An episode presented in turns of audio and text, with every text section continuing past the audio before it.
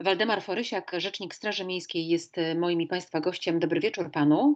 Dobry wieczór, witam. Problem kierowców, którzy parkują e, gdzie i jak chcą, zwłaszcza na, na osiedlach, prawdopodobnie Straży Miejskiej jest bardzo dobrze znany, prawda?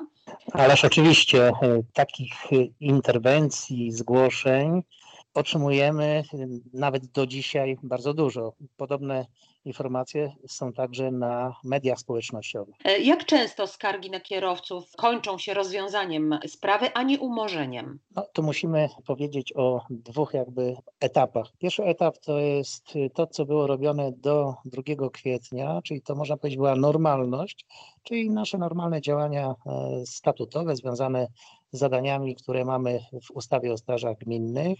Interwencje związane e, z parkowaniem pojazdu, można powiedzieć, no to była większość tych, które strażnicy podejmują. One wielokrotnie e, kończyły się założeniem e, blokady, usunięciem pojazdu i to są ilości bardzo duże.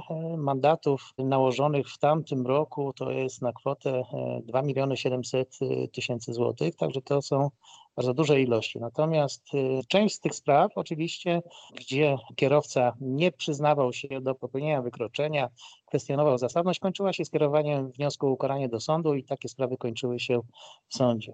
Drugi etap y, to jest ten etap od 2 kwietnia, gdzie mm, działalność Straży Miejskiej y, została ograniczona do prowadzenia działań tylko i wyłącznie związanych z weryfikacją wykonywania nakazów, zakazów i obowiązków wynikających z przepisów y, prawa, a związanych z zapobieganiem rozprzestrzeniania się choroby zakaźnej COVID-19, a to z kolei y, było związane z poleceniem wojewody. I tutaj kontrola nielegalnego, nieprawidłowego parkowania pojazdów y, przez nas musiała zostać zakończona. Przez nas zakończona, co nie znaczy, że w niektórych przypadkach była dalej prowadzona, natomiast jest to możliwe tylko i wyłącznie poprzez wydanie takiej dyspozycji od policji, w której e, strażnicy znajdują się teraz e, w dyspozycji. Pan powiedział właśnie o COVID-19 i o epidemii. E, inicjatorki akcji z wózkiem przez Wrocław też o tym wspominały, że często dostają od Państwa odpowiedź, że z uwagi na pandemię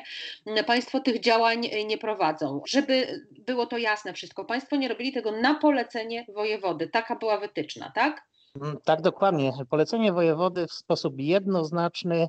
Po pierwsze, nasze siły i środki, czyli strażników, y, daje do, do, dyspozycji policji, natomiast y, naszą działalność ogranicza tylko i wyłącznie, mówiąc już tak y, ogólnie, do zadań związanych z COVID-19. One mówiły też, że zwykle, gdy wysyłają do Państwa takie informacje, te sprawy są przez Państwa umarzane. Co się nie udaje zrobić, że taka sprawa jest umorzona? Mówimy tutaj o tych sprawach, które do nas trafiają drogą mailową. Najczęściej jest to zgłoszenie mm, jakiegoś pojazdu, który nieprawidłowo parkuje. Czasami do tego jest dołączone zdjęcie. Ja zawsze powtarzam, że samo zdjęcie nie wystarcza, żeby ukarać y, sprawcę wykroczenia. Po pierwsze, musimy, to jest najważniejsze, ustalić sprawcę wykroczenia. Nie jest to zawsze właściciel pojazdu. My ustalamy właściciela pojazdu po numerze rejestracyjnym. No i tutaj następuje cała procedura właśnie ustalania właściciela.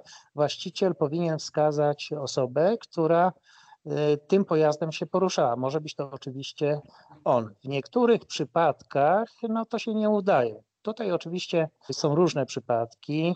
Czasami właściciel pojazdu pozbywa się tego pojazdu, czyli sprzedaje, a te zmiany nie są uwidocznione w tych bazach danych, do których my mamy dostęp.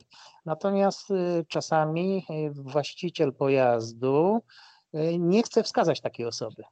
To także może być przez nas y, karane i w wielu wypadkach y, tak y, czynimy. Natomiast nie we wszystkich przypadkach jesteśmy w stanie ustalić sprawcę wykroczenia i wtedy możemy taką sprawę, to my to nazywamy odstąpieniem od kierowania sprawy do sądu. No i tak zgodnie z obowiązującymi przepisami robimy.